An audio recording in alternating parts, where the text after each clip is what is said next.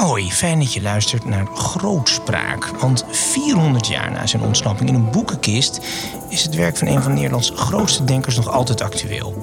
Vanuit Slot Loevestein is dit Grootspraak. Het is een podcast waarin ik, Jort Kelder, gesprekken voer in de geest van Hugo de Groot.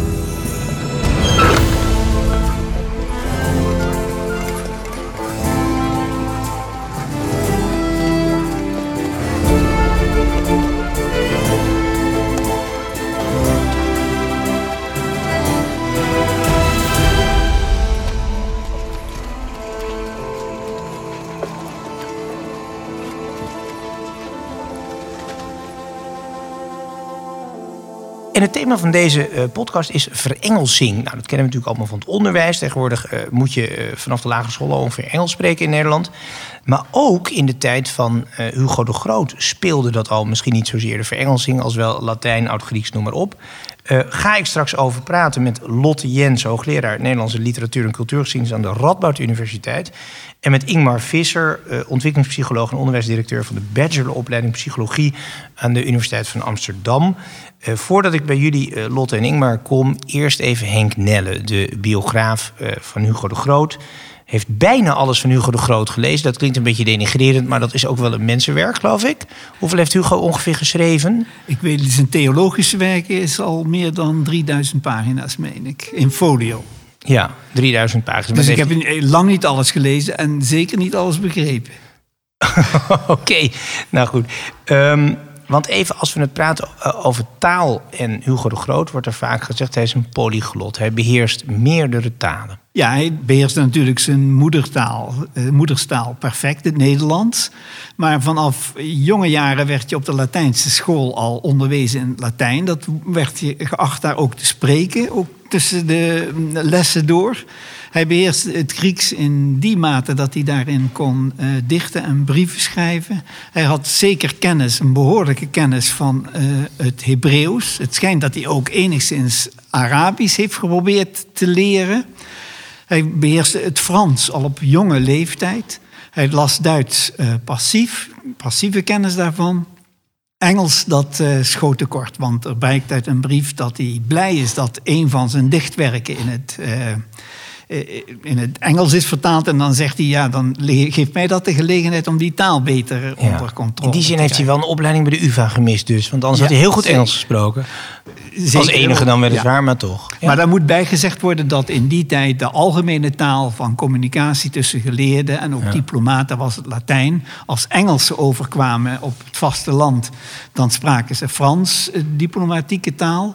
Dus het Engels had ook een niet de positie, dus echt onvergelijkbaar met de positie die het uh, heden ten dagen heeft.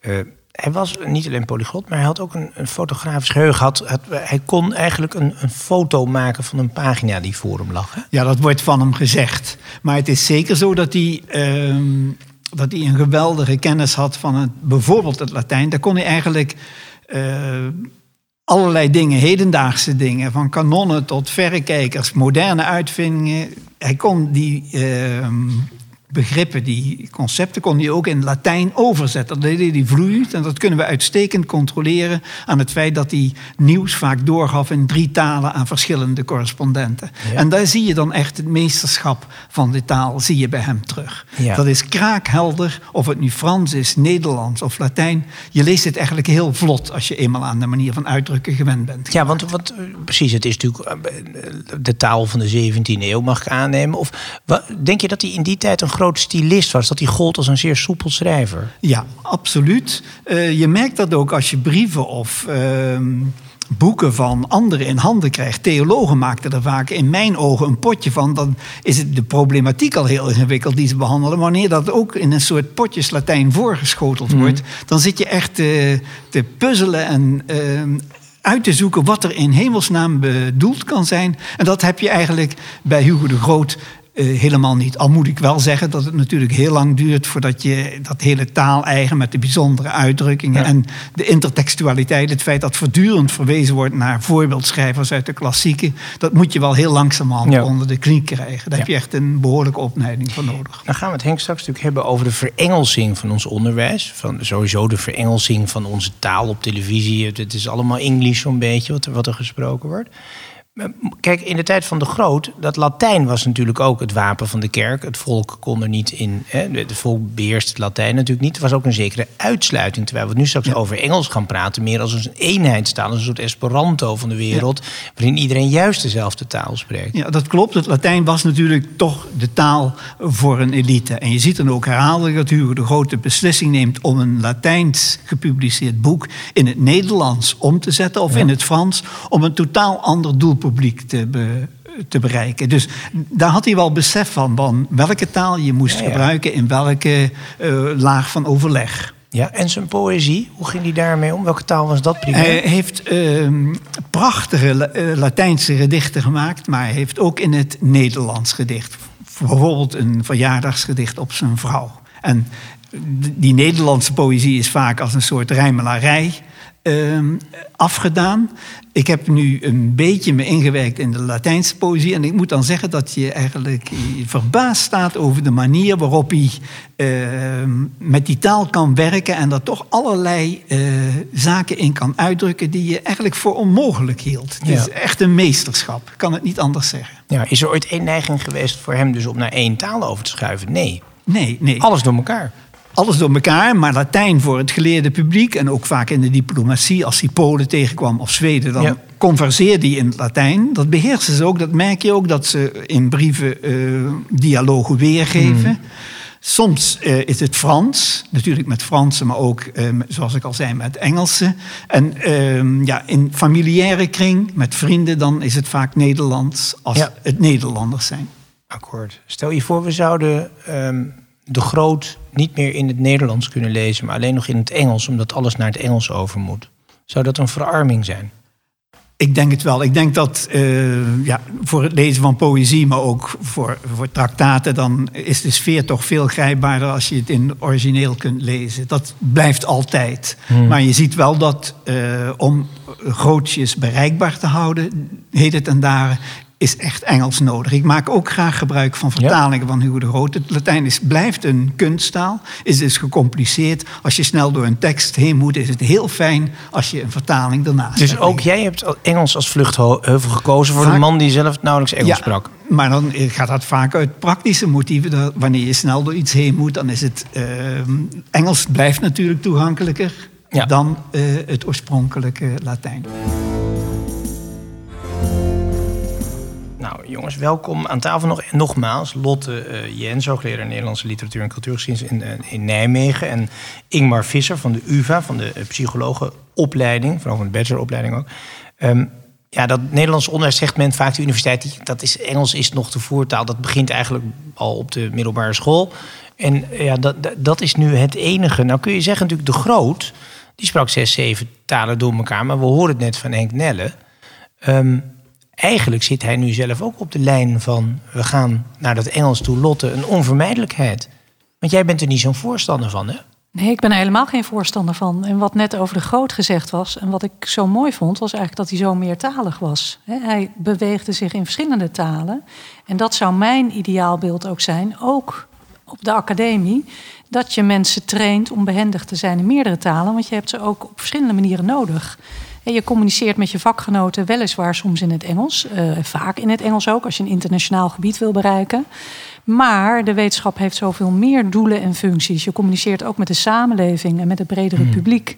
En studenten wil je ook trainen in vaardigheden dat ze allerlei bronnen in allerlei talen tot zich kunnen nemen. Maar zou dat niet kunnen? Nu, kijk, als je Nederlandse uh, cultuur bestudeert, kan ik me voorstellen dat het Nederlands daar enige rol bij speelt. Ja, maar, dit is natuurlijk een postzegeltje in die enorme waaier aan mogelijkheden van de universiteit. Maar stel je nu toch voor dat je die biografie van Hugo de Groot wil schrijven. Dan zul je toch echt vaardig moeten zijn in meerdere talen dan alleen het Nederlands en het Engels. Ja. En dat is precies die meerwaarde van meertaligheid. Dat je zoveel meer bronnen en zoveel meer kennis tot beschikking Oké, maar dan was Hugo de Groot ook een, een, internationalist. Eh, een man die zijn werk weliswaar door verbanning maar vanuit Frankrijk deed of later vanuit Zweden. Uh, het was een expat, zou je kunnen zeggen. En hij zal zich dus ook altijd op een, inderdaad een andere taal hebben moeten beroepen. We weten niet wat hij daarover vindt, Henk. We weten, weten niet of hij graag tot één taal zich had beperkt. Voor hem was het natuurlijk wel een wapen, maar het was ook een noodzaak. Ja, hij zag de noodzaak van die meertaligheid in. Dat heb ik proberen uit te leggen. Maar ik denk dat het tegelijkertijd ook een handicap is, want je beheerst eigenlijk een taal pas goed wanneer je daar jarenlang in oefent en ook in een context zit waar die taal gebruikt wordt. En dat is volgens mij een belangrijk bezwaar Als tegen je een native speaker bent, als je Moors staat. Dus oké, Ingmar, wat is de situatie van het Engels nu op de Universiteit van Amsterdam? Hoe dominant is Engels? Ja, Engels wordt eh, in veel opleidingen gebruikt. eh, en, en steeds meer opleidingen gaan over op het Engels. Ehm, ja, daar wordt wel iedere keer overwogen van wat is nou belangrijk. Maar het belangrijkste argument om dat te doen is dat je je begeeft inderdaad in een, in een grotere gemeenschap van wetenschappers waar je een onderdeel van wil uitmaken. En, en ja, het is helder dat de lingua franca van, van de, de wetenschap is het Engels op momenteel. En, en er zijn Wat kan ook er nog Nederlands blijven? Onderdelen en misschien Chinese onderdelen. Maar, maar Nederlands is in, in de, het grote geheel der wetenschap speelt natuurlijk maar een hele kleine rol. Maar aan de andere kant, eh, op deze manier eh, kun je ook onze taal, die, we zitten hier in een slot uit de eh, nou ja, middeleeuwen. ehm, die taal heeft veel prachtigs voortgebracht, poëzie. Gaat natuurlijk wel verloren op deze manier. Ja, maar we, hoeven ons, we, hoeven, we kunnen voor ieder vakgebied apart overwegen of het van belang is. Ja, maar dat, de, dat is de de Nederlandse, de Nederlandse Hoeveel studenten Nederlands zijn er nog op de UvA? Ja, maar daar ga ik niet over. Ik ga over de psychologieopleiding Weet en de weet biologie. ik. Maar en een van de en- effecten en is natuurlijk wel dat, dat jonge mensen geen Nederlands meer gaan studeren. De liefde voor onze eigen taal missen, omdat het irrelevant begint te worden. Eh, Ik weet niet of die liefde eh, of, of, de, of de afkeer daarvan komt omdat wij veel Engels spreken. Ik denk dat je als je psychologie wil leren, dat het gewoon heel nuttig is om dat in het Engels te doen. Omdat je dan beschikking hebt over veel meer bronnen dan je anders zou kunnen beschikken. Daarmee schrikken wij niet af eh, dat ze ook Nederlands beheersen. Ja. Sterker nog, wij laten onze studenten ook gewoon Nederlands schrijven natuurlijk. Als ze daar de behoefte aan hebben. Maar als ze wanneer daar, hebben als ze jullie daar de voorkeur aan geven. Ja, maar, nee, maar als nou 60% van de studenten inmiddels Engelstalig is, dus buitenlandse studenten, waarvan vaak wordt gezegd, er zit een heel economisch model achter. Dat is niet een principiële keuze omdat het zo leuk publiceert in één taal. Nee, dat is om buitenlandse studenten te kunnen aantrekken. Dat is een inkomstenbron voor de universiteit. Dat is zeker een onderdeel van de, van de discussie. Maar de internationalisering van het onderwijs is, is een Europese doelstelling. Hè. De, de Europese landen hebben zelf besloten met elkaar... wij willen dat ons hoger onderwijs toegankelijk is voor studenten over en weer. Ja. dan moet je wel. Maar is daar dan in Parijs Daar moet je dan ook gevolg aan geven. Nou, dat gebeurt op meer plekken zo langzamerhand. Nederland loopt daar misschien in voorop. We lopen in meer dingen voorop. Dat is op zich geen Mhm. Lotte, probleem. Wat zie jij gebeuren op de universiteit? Eh, ja, ik vind dat de verengelsing is doorgeschoten. Er zijn nu al een paar universiteiten volledig Engelstalig, waarbij ze niet eens meer bebording in het Nederlands hebben. Hè. Dus je zou verwachten dat toch tenminste overal nog het Nederlands zichtbaar blijft. Of dat het tweetalig is op zijn minst, dat is niet het geval. Ehm, en het is een soort zichzelf versterkend effect. Dus eh, naarmate de groep internationale studenten groter wordt, schakel je ook in alle communicatiekanalen op de universiteit over op het Engels. En dat is wat ik het gevaarlijk vind, dat je het hele instituut aan het verengelsen en veranderen bent. Dus het gaat veel verder dan alleen de onderwijstaal is Engels. De hele omgeving moet dan mee verengelsen Ja. om die groep te bedienen. Maar bedienen ze daarmee een meerderheid of eigenlijk een minderheid? Want dat vraag je ook wel eens af. Ja, dat, je past inderdaad de taal nu aan aan toch nog steeds een minderheid. Op in ieder geval de brede universiteiten. Hè? Want er zijn natuurlijk ook technische universiteiten. Maar mijn belangrijkste bezwaar ligt er eigenlijk in... dat je als universiteit heb je een taak, dan geef je onderwijs. En het merendeel van die studenten leid je uiteindelijk toch niet op voor de wetenschap. Dus het is maar een heel klein deel dat verder gaat in de wetenschap. Die kunnen dan een Engelstalige research master doen. Daar is op zichzelf ook niet veel mis mee. Maar er zijn nog veel meer studenten die je eigenlijk klaar wil stomen voor een functie in de maatschappij, in de samenleving. En dat is in veel gevallen de Nederlandse samenleving. Maar goed, dat weet je natuurlijk niet als ze aankomen als eerstejaars... wie er wel en niet eh, voor de wetenschap klaargestoomd gaat worden. Hoe zou je die selectie dan moeten maken? Eh, nee, maar op dat niveau hoef je ook precies dat zou de reden moeten zijn om eh, niet alles in het Engels te doen. Want het argument is: Engels is de lingua franca van de wetenschap. En dus doen we meteen maar alles in het Engels. Maar studenten moeten ook nog leren studeren en een breed arsenaal aan kennis opdoen.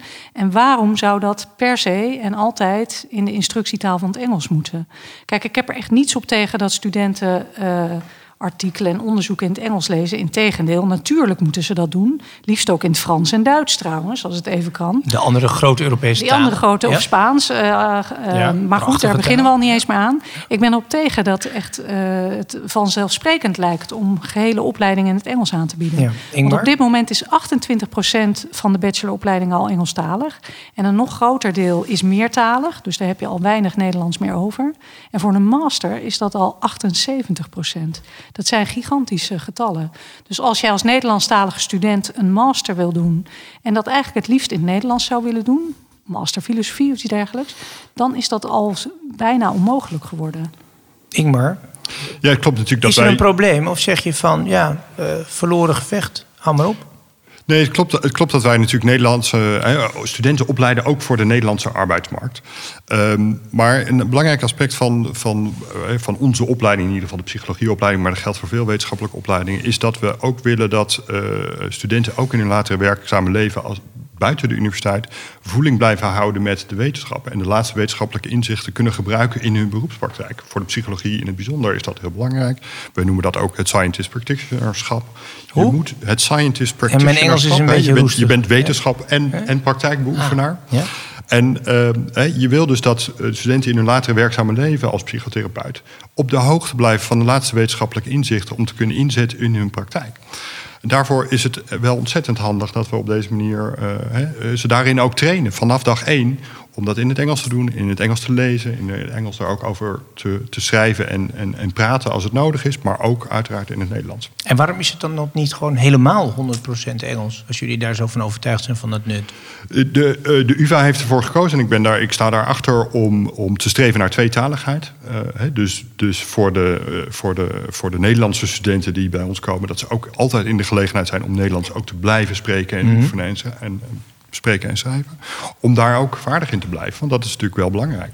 Ja, want het lijkt me zeker ook voor een, voor een psycholoog. Maar het een een niet psychiater later krijgt alleen maar Nederlandse patiënten op de divan. Globaal. Nou, dat is niet waar. Amsterdam is een zeer internationale Nou, stad. ja, en er zijn nog eh, veel, veel praktijken waar, eh, waar een internationale groep eh, ook op afkomt. En dat geldt in veel Nee, van dat- sport, in internationale ja, maar bedrijven. Laten we, in- even, we hebben 18 in- miljoen inwoners in Nederland. Eh, Van die 18 miljoen spreekt toch 17,5 miljoen eigenlijk alleen Nederlands. Ik bedoel, overdag in hun dagelijks leven. Ik, ik, ik weet de aantallen niet exact, maar, Ja, maar- een beetje overdreven om te zeggen... alle psychiaters moeten nu echt Engels spreken... terwijl de patiënten Ja, zijn wij, wij, natuurlijk toch- wij, wij leiden psychologen op. En Ja. een deel komt inderdaad in de therapeutische praktijk natuurlijk terecht... waar ze inderdaad in merendeel met Nederlandse cliënten te maken zullen hebben. Maar we leiden natuurlijk ook psychologen op voor eh, de human resource management afdelingen Tuurlijk. van grote bedrijven. Ja. En dat Ja. zijn er ook heel veel. Dat zijn er meer dan therapeuten trouwens. Eh, in heel veel andere beroepspraktijken waar psychologen in terechtkomen. En daar komen ze in allerlei internationale bedrijven terecht. En dat wordt natuurlijk alleen maar meer. Hè? De uitwisseling tussen Europese landen neemt alleen maar toe. Lotte, wat gaan ja, Henk, nee. Mijn vraag is eigenlijk, die eh, ik graag zou willen stellen... als nu iemand van een middelbare school in Nederland naar de universiteit gaat... zich van Engels gaat bedienen. Wat is de kwaliteit van het Engels dat hij ooit zal bereiken... in die drie, vierjarige opleiding? En als je dat nu afzet tegen het feit dat Nederlands... het goed gebruik daarvan, het redigeren van een tekst in het Nederlands... al zoveel moeite kost dat je daar nog als universitair docent... heel lang mee bezig bent om dat de leerlingen de studenten eigen te maken. Zitten we dan toch niet meer in de richting eh, te denken van dat we het Nederlands eigenlijk niet moeten verwaarlozen? Nee, maar dat zeg ik ook niet. Ik denk, dat deze dingen elkaar niet uitsluiten. Hè. En daarom hebben wij duidelijk gekozen voor een tweetalig model voor onze opleiding. Je kunt als student kiezen, doe ik de Nederlandse werkgroepen... schrijf ik mijn essays in het Nederlands of schrijf ik ze in het Engels. En je kunt in die zin de keuze maken wat je doet. Maar de hoorcolleges, het passieve taalgebruik eh, is, eh, is Nederlands. Met het oog ook om het toegankelijker te maken. En het voordeel wat je daarbij hebt is natuurlijk, en dat is natuurlijk een van de belangrijkste argumenten die vaak gebruikt wordt, is, is dat je ook inderdaad een breder publiek trekt voor je opleiding. En de uitwisseling die daaruit tot stand komt, is ook heel waardevol. Ja. Ik vind het ontzettend leuk Dus dat ik wij zeg, ben studenten. te cynisch ik zeg het gaat gewoon om de poen. Maar het is meer dan dat. Het is internationaal denken eigenlijk waar je voor Ja. staat. Ja? En ik vind het Even, fantastisch Lotte? hoeveel studenten wij hebben uit, uit Tsjechië, Ja. uit Frankrijk, Ja. uit Duitsland, uit Spanje, uit Italië. Natuurlijk. Ieder, ieder Europees land is vertegenwoordigd in onze opleiding. En dat is ontzettend waardevol. Ja, hoewel ik ook vaak hoor van, eh, al zijn het maar mijn neefjes die aan zo'n universiteit zitten, zeggen joh, toch merk je dat die buitenlandse studenten eigen groepjes hebben. Het valt allemaal buiten elkaar, het leeft allemaal langs elkaar heen. Hoor ik. Maar voor, Daar moet voor, je- voor wat het waard is hoor. Daar moet je aan werken om, dat, om die integratie tot stand te brengen. Ben ik helemaal mee eens. En daar werken we aan. Ehm, Lotte, wat, eh, er zijn drie universiteiten die zijn volledig naar Engels. UvA dus niet eh, volledig. Dus Maastricht, welke zijn het verder? Eh, TU Eindhoven, TU Ja. Delft is Ja. ook grotendeels Engels. Twente, Ja. Wageningen. Dus eigenlijk de. Technische Universiteit en Maastricht, En dat toch altijd al een klein internationaal universiteitje was. Wat gaat er nou echt verloren, denk jij? Want je kan ook zeggen, als je nou door de eeuwen heen kijkt, het is een soort onvermijdelijke ontwikkeling. Jij vecht hier tegen, jij, jij bent iets. Ik bedoel, het oude Nederlands bestaat ook niet meer. De dialecten hebben we ook verwaarloosd in dit land. Dit hoort nou eenmaal bij globalisering. Kijk, niemand zal ontkennen dat er ook een meerwaarde aan internationalisering zit. Maar de vraag is, wanneer is er een juiste balans? En die balans is volledig zoek geraakt. Ik denk dat het daarom gaat. Dus er is een sterke economische drift gekomen om zoveel mogelijk studenten te winnen. Waarom? Dat brengt uh, uiteindelijk uh, kun je zo je opleidingen handhaven. Dat brengt geld in het laadje. Het kost ook trouwens veel. Daar wordt zelden de aandacht aan geschonken. Uh, maar wat er verloren gaat, is natuurlijk wezenlijke kennisgebieden. Ik noem mijn eigen kennisgebied Nederlandse taal en letterkunde, ja, cultuurgeschiedenis. Ja. Uh, toch even voor mijn eigen vakgebied pleiten. Ik kan nauwelijks meer gespecialiseerde studenten opleiden, ja. omdat ik simpelweg geen colleges meer kan aanbieden. Uh, die volledig Nederlandstalig zijn, met gebruik van Nederlandstalige bronnen. Ik draai mee in Engelstalige colleges. En daar kun je dus geen primaire of secundaire literatuur in het Nederlands behandelen. Dan dat gaat dus heel veel. Ja. Wat ik zeg nu voor Nederlands geldt trouwens ook voor andere taalgebieden. Hm. Frans, Engels, Spaans, Italiaans, Russisch. Wat denk je ervan dat als Rusland ineens in de media aanwezig is... dan willen we experts hebben met kennis van het Russisch. Mhm. En grondig kennis ook van de geschiedenis, Dus politieke je zegt de kleine studies gaan eraan. Ja, dat zie je maar kleine op een studies, het zijn nogal grote wereldgebieden die we nee, zeker, maar eh, bes- in, in bestrijken. Nederland relatief eh, klein Dus je verliest specialisme en kennis ervan. Eh, heel typerend is soms wat je ziet gebeuren in de hedendaagse media, eh, waarbij ze krantenberichten via Engelse media vertalen naar het Nederlands, Ja. zonder dat er nog iemand is die eigenlijk die originele bronnen kan controleren. Mhm. Laatst las ik een bericht over Bavaria in lockdown. Dat stond als kopje in een grote Nederlandstalige krant Bavaria. Het, be- het bedrijf, het bierbedrijf. Bavaria. Exact, Beieren werd hier bedoeld. Maar dit is Ja. zo illustratief Ja, ja, ja, eigenlijk voor wat er dan gebeurt als mensen hun talen niet meer beheersen. Ja. Eh, dus wat gaat er verloren? Er gaat veel specialistische kennis verloren. En ik merk dat ook in mijn eigen vakgebied, hoe moeilijk het is geworden om nog echt goed opgeleide specialisten met grondige kennis van de eigen taal en cultuur Hoeveel te vinden. studenten Nederlands zijn er, of Nederlandse cultuurgeschiedenis in Nederland überhaupt nog? Eh, dat zijn er dus steeds minder. En, Maar praat je eh, over tientallen, ja. honderden? Of wat voor aantallen hebben wij het? Nou, eh, het zijn er nu denk ik zo ongeveer 150 in heel Nederland. Misschien iets meer hoor, 200. Want- maar er waren er ja. op... eh, het is heel stijl omlaag gegaan. Dus echt van 600 naar Ja. 150. Het, het komt er een beetje op neer. eh, De, En vrouwen heeft- doen psychologie, de mannen doen economie en bedrijfskunde. Of eventueel Delft, en dat is het dan. Ja, en de echte intellectuelen doen Nederlandse taal en cultuur. Dat is het. nee, dat is, eh, maar het is een complex probleem. Hè, dat Ja. niet alleen eh, met de universitaire Ja. samenstelling te maken heeft, maar ook met de populariteit van het vak Nederlands op de middelbare school. Maar het een hangt natuurlijk wel samen met het ander. Want de waardering voor de eigen taal, ja, die is wel echt eh, heel erg afgenomen. En dat vind ik ontzettend jammer. Ja, ik snap dat je het jammer vindt, maar dat, dat, daar spreekt jouw liefde voor Nederlands taal. Wat ik overigens bij jou als, als zijnde een Jensen altijd heel interessant vind. Want je bent natuurlijk oorspronkelijk Deens, althans jouw ouders nog je grootouders. Eh, nee, ouders. Ik ben Ja. volbloed Deens. Maar Maar mij spreekt, juist, spreekt eh, men in Denemarken schande over jouw Deens of niet? Is Eh, hoe, ik klink hoe roestig is jouw ik klink Deens? ongelooflijk eh, bekakt en eh, snobistisch in het Deens. Alsof ik bij de koninklijke familie behoor. Omdat ik Oh, ergens in de jaren zeventig eh, dat mij heb eigen gemaakt... en nooit met de slang van tegenwoordig ben Oh, ja, meegegaan. ja, ja, ja, Dus ik klink echt alsof ik uit de Maar het is zo allerhoogste interessant klasse dat een kom. familie die uit Denemarken komt... zo ongelooflijk vecht voor de Nederlandse taal. Ja, maar hier komt iets boeiends, denk ik. Ja? Namelijk dat juist de mensen die meertalig zijn opgevoed... en in twee culturen zijn opgevoed... de waarde kennen van het behoud van taal. Omdat taal ook een vorm van identiteit Ja. met zich meebrengt. En eh, je verbindt aan een land. En eh, opvallend genoeg... ehm, we hebben een boek samengesteld dat heet Against English, pleidooi voor het Nederlands. Dat is in 2019 verschenen. Daarin hebben we allemaal nieuwe Nederlanders ook aan het woord gelaten. Dus een Spaanse die Nederlands heeft gestudeerd. Een Marokkaanse schoonmaakster die hier carrière heeft gemaakt. En juist van deze mensen krijg je de sterkste pleidooien voor behoud van het Nederlands. Ja. Op alle niveaus. Waarom? Omdat we weten hoezeer taal je ook vormt. Je identiteit vormt, je aan een omgeving verbindt. Dus ik denk dat je juist bij die mensen met een dubbele achtergrond... de sterkste pleidooien voor behoud van de eigen taal Ingmar, Visser, Ja. ben je al om? Nee, nog steeds niet. Want je zegt wel Nou, erg, wij hechten aan die tweetaligheid enzovoorts. Maar de praktijk is dat natuurlijk die ene taal, die eerste taal, die Nederlandse taal verslonst. Dat, dat zie je gewoon. Krijg, inderdaad, lees maar de sollicitatiebrieven die je krijgt. Het goed, rammelt aan alle kanten. Ja, het pleidooi wat ik hier hoor gaat over het behoud van expertise in bepaalde vakgebieden, bijvoorbeeld de Nederlandse taal en letterkunde. En, en, en wat is nou de weg om dat te bereiken? Nou, ons financieringsmodel van de universiteiten sluit daar niet bij aan. Dat, die volgt gewoon de studentenaantallen.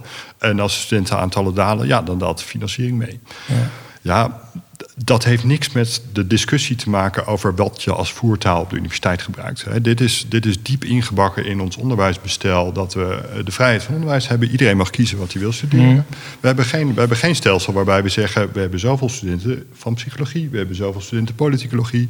En eh, ja, je loopt maar eh, waar, je, waar, je, waar je ingelood wordt en Ja. that's it. Ja. En dan kun je die expertise behouden. Eh, dus die financieringsmodel, dat, die, dat staat haaks op de discussie over de talen. Het is best wel somber dat wij hier op deze prachtige plek in een oud kasteel het over het financieringsmodel moeten hebben. Want dan wordt het al meteen, dat kan jij niet helpen, maar het wordt al meteen bureaucratisch en ambtelijk en politiek. Terwijl de politiek in Den Haag zegt, heel plechtig, wij hechten aan de Nederlandse taal. Zou je niet zeggen als je alle politici aan het woord hoort, maar toch.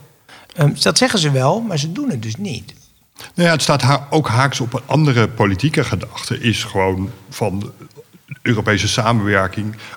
De Europese hoger onderwijsruimte heet het, heet het ding. Ja. Het is ook een groot bureaucratisch Europees ding. Maar ja, het streven daarnaar is wel heel helder. Namelijk, we willen één grote ruimte waarin studenten zich vrij kunnen bewegen. Hmm. Overal kunnen studeren waar ze willen. Ja, dit is wel het gevolg. Maar de vraag is, ik en denk dat ook dat, de, Ja. de, de, nogmaals, de meerwaarde daarvan is wat mij betreft enorm groot. Ja, snap ik. Het is overigens curieus dat het land dat net uit Europa is gestapt... dan toch de voertaal van Europa heeft, Engels. Maar goed, dat is een wereldtaal. Daar kan ik ook niet omheen. Ja. Dat is nou helemaal de anglo-saxische wereld. Ja. De, de, de taal van de universiteiten. Ehm, maar, maar, maar toch, is dat Europese beleid. Europa wil eigenlijk één soort bij een universiteit. Lotte zegt, weet wat je gaat verliezen. Cult, het is meer, ja, ik heb de identiteit... En ehm, een taal is niet alleen maar woordjes. Het is, daar hangt een hele geschiedenis van een volk aan vast. En het is misschien wel aardig als je naar een Bocconi gaat... dat je nog iets Italiaans meekrijgt. Als je naar de Erasmus gaat, dat je iets van Rotterdam leert. Dat, je, dat er iets eigens in zit nog. Of is dat smerig om nu te suggereren? Is dit racistisch of eh, fascistisch misschien? Nee, en daarom, en daarom streeft denk ik eh, de UvA, maar ook het ministerie daarnaar... Om, om ervoor te zorgen dat ook internationale studenten die hierheen komen... dat je die ook inderdaad Nederlands bijbrengt. En Ja, dat- zorgt dat maar je daar, laten we eh, eerlijk dat je zijn, daar, gebeurt dat dat nou? je daar iets in doet. Eh, Wees eerlijk, gebeurt dit? Hoeveel buitenlandse studenten spreken Nederlands? gebeurt het weinig, maar tegelijkertijd... eh, het is wel zo dat een groot deel van de internationale studenten die hierheen komt... ook in Nederland blijft. Hè? Het is niet zo dat, ze- dat ze daarna... Dan pikken ze dat, het wel dat ze hier even een studie komen doen en Ja. dan weer vertrekken. Ze blijven hier. Ze Hoeveel blijven, procent, weet je dat? Eh, tussen, de, tussen de 30 en, en 40 procent Ja. van Ja. de studenten blijft, blijft in Nederland en blijft een bijdrage leveren. En Hmm. de studenten die teruggaan naar Tsjechië, Frankrijk, Duitsland, Ja. die hebben wel die band met Nederland. Hè. En die, die blijven bestaan. Ze hebben hier vrienden opgedaan. Eh, Die meer is dan alleen de taal natuurlijk, Ja, dat snap ik ook wel. Ehm, ja, vind jij, Lotte, dat de politiek eh, een beetje met een dubbele tong spreekt? Want ze beleiden inderdaad de liefde voor de taal wel. Maar het beleid is erop gericht de taal toch eigenlijk uit te vegen. Ja, het beleid is uiteindelijk ook heel bureaucratisch. Hè? Dus verankerd in wetten en dergelijke. Nu heb je een wet eh, eh, toegankelijkheid hoger onderwijs. En daar is dan in verankerd als voorstel dat iedereen ook moet gaan werken aan Nederlandse uitdrukkingsvaardigheid. Dat is nog eens een mooi Nederlandstalig woord. Ehm, wat gebeurt er? Sommige universiteiten claimen meteen een uitzonderingspositie. Zeggen ja, maar wij zijn zo'n bijzondere constellatie dat wij daar niet aan kunnen werken. Dus het wordt eigenlijk weer een soort geval: eh, vallen wij binnen of buiten die wet?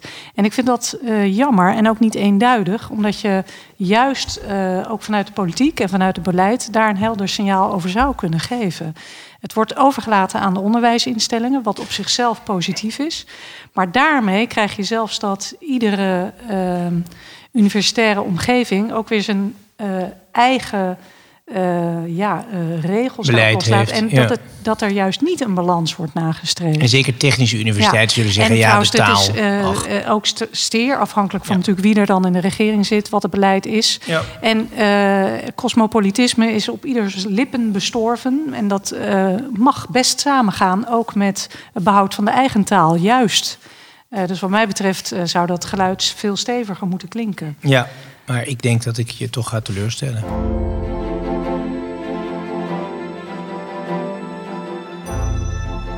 Henk, wat denk jij? Als, als uh, derde buitenstaander hier. Nou, het valt mij op dat het op de eerste plaats uh, standpunten zijn die vanuit het vakgebied beredeneerd worden. Daar zal het toch veel mee te maken hebben. Ik denk inderdaad als psycholoog in opleiding is het veel makkelijker om je van het Engels te bedienen en in te schakelen in een algemeen wetenschapsveld dan als uh, student cultuurgeschiedenis. Als het dan specifiek op Nederlands gericht is.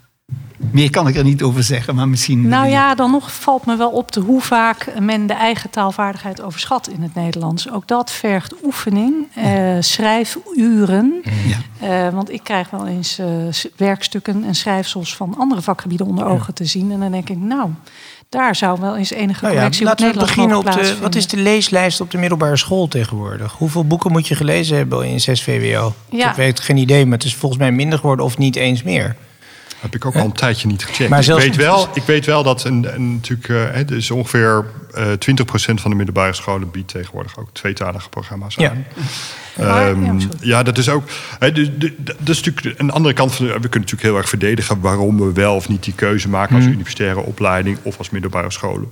Die reageren ook op een vraag die er is. En die, en die vraag is dus voor universiteiten internationaal. Hè. Wij vissen in een internationale markt. Maar voor de middelbare scholen geldt dat helemaal niet. Hmm. Ook onze Nederlandse ouders sturen hun kinderen naar een tweetalige middelbare school. Omdat ze daar een bepaald voordeel in zien. En dat ze denken, hé, hey, dat is eigenlijk ja, maar nuttig voor mijn kind. Tweetalig is iets anders dan eentalig. En we hebben nu dus drie universiteiten die zijn eentalig, namelijk niet Nederlands. En dat is toch wel een wezenlijk verschil. Um, ja, jongens, waar eindigt dit? Is het een onvermijdelijke ontwikkeling? Kunnen we het nog stoppen? Want jij, jij bent een gevecht aan het, aan het leveren, Lotte. Je staat niet alleen hierin. Het is natuurlijk een breder gevecht wat je ook moet zien in verband met niet alleen de verengelsing van het onderwijs, maar sowieso de bureaucratisering, managementgedoe, het budgettering. Er zit een heel ander pakket aan hoe liefdeloos we eigenlijk met de universiteiten omgaan. Ja, uh, nee, we kunnen dat in die zin wel stoppen, beter in balans brengen. Het heeft wel echt zin om aan te geven waar de balans zoek is. En dat we onze eigen taal ook moeten koesteren en beschermen en behoud ervan. Uh, het heeft zin om je te roeren en om dat uit te leggen en te blijven uitleggen. En ik merk ook uh, dat ook mensen die zich erg inzetten voor internationalisering en meer Engelstalig onderwijs, daar wel gevoelig voor zijn. En die dialoog is eigenlijk juist belangrijk, want volgens mij streven wij naar hetzelfde, namelijk opleiden van goede stu studenten met goede vaardigheden, taalvaardigheden. Dus moeten we met elkaar in gesprek blijven daarover. Ik heb, mag ik één gedichtje van Vondel erin fietsen die over we daarmee afsluiten? Het is namelijk zo mooi. Ik wil Graag dit als een Engels, pleidooi voor behoud ja. van mijn vakgebied. Want ik begrijp even voordat je hem voorleest. Het is maar twee regels. Ja, je, je, krijgt hem, je krijgt namelijk het slot dan. Maar ik want je noemt Vondel. Er was, of is dat een apocrief verhaal? Een promovendus die in het Engels op Vondel moest promoveren. Het is geen apocrief verhaal. Het was een research master student van mij die het werkstuk over Vondel in het Engels moest doen, want dat waren nu eenmaal de examenregels.